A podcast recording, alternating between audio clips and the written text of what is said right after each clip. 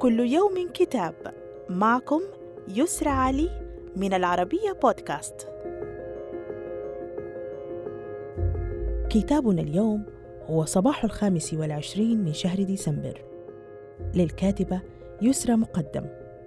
يحكي الكتاب عن الثمن الذي تدفعه امرأة عاشت رافضة أن تشبه والدتها بصورتها التقليدية المحافظة. المسكونة بالتضحية والذوبان في الآخر لكنها في الوقت نفسه تخفق في أن تبني نموذجا جديدا تتصالح فيها أنها مع دورها كأم بعد أن تنجب أولادها.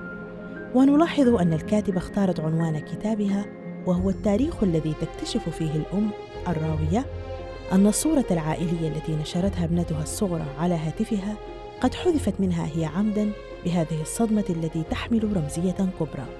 إنها لحظة الحقيقة التي توقن فيها أم بأنها طردت من جنة أولادها. صدر الكتاب عن شركة المطبوعات للتوزيع والنشر وإلى اللقاء مع كتاب جديد.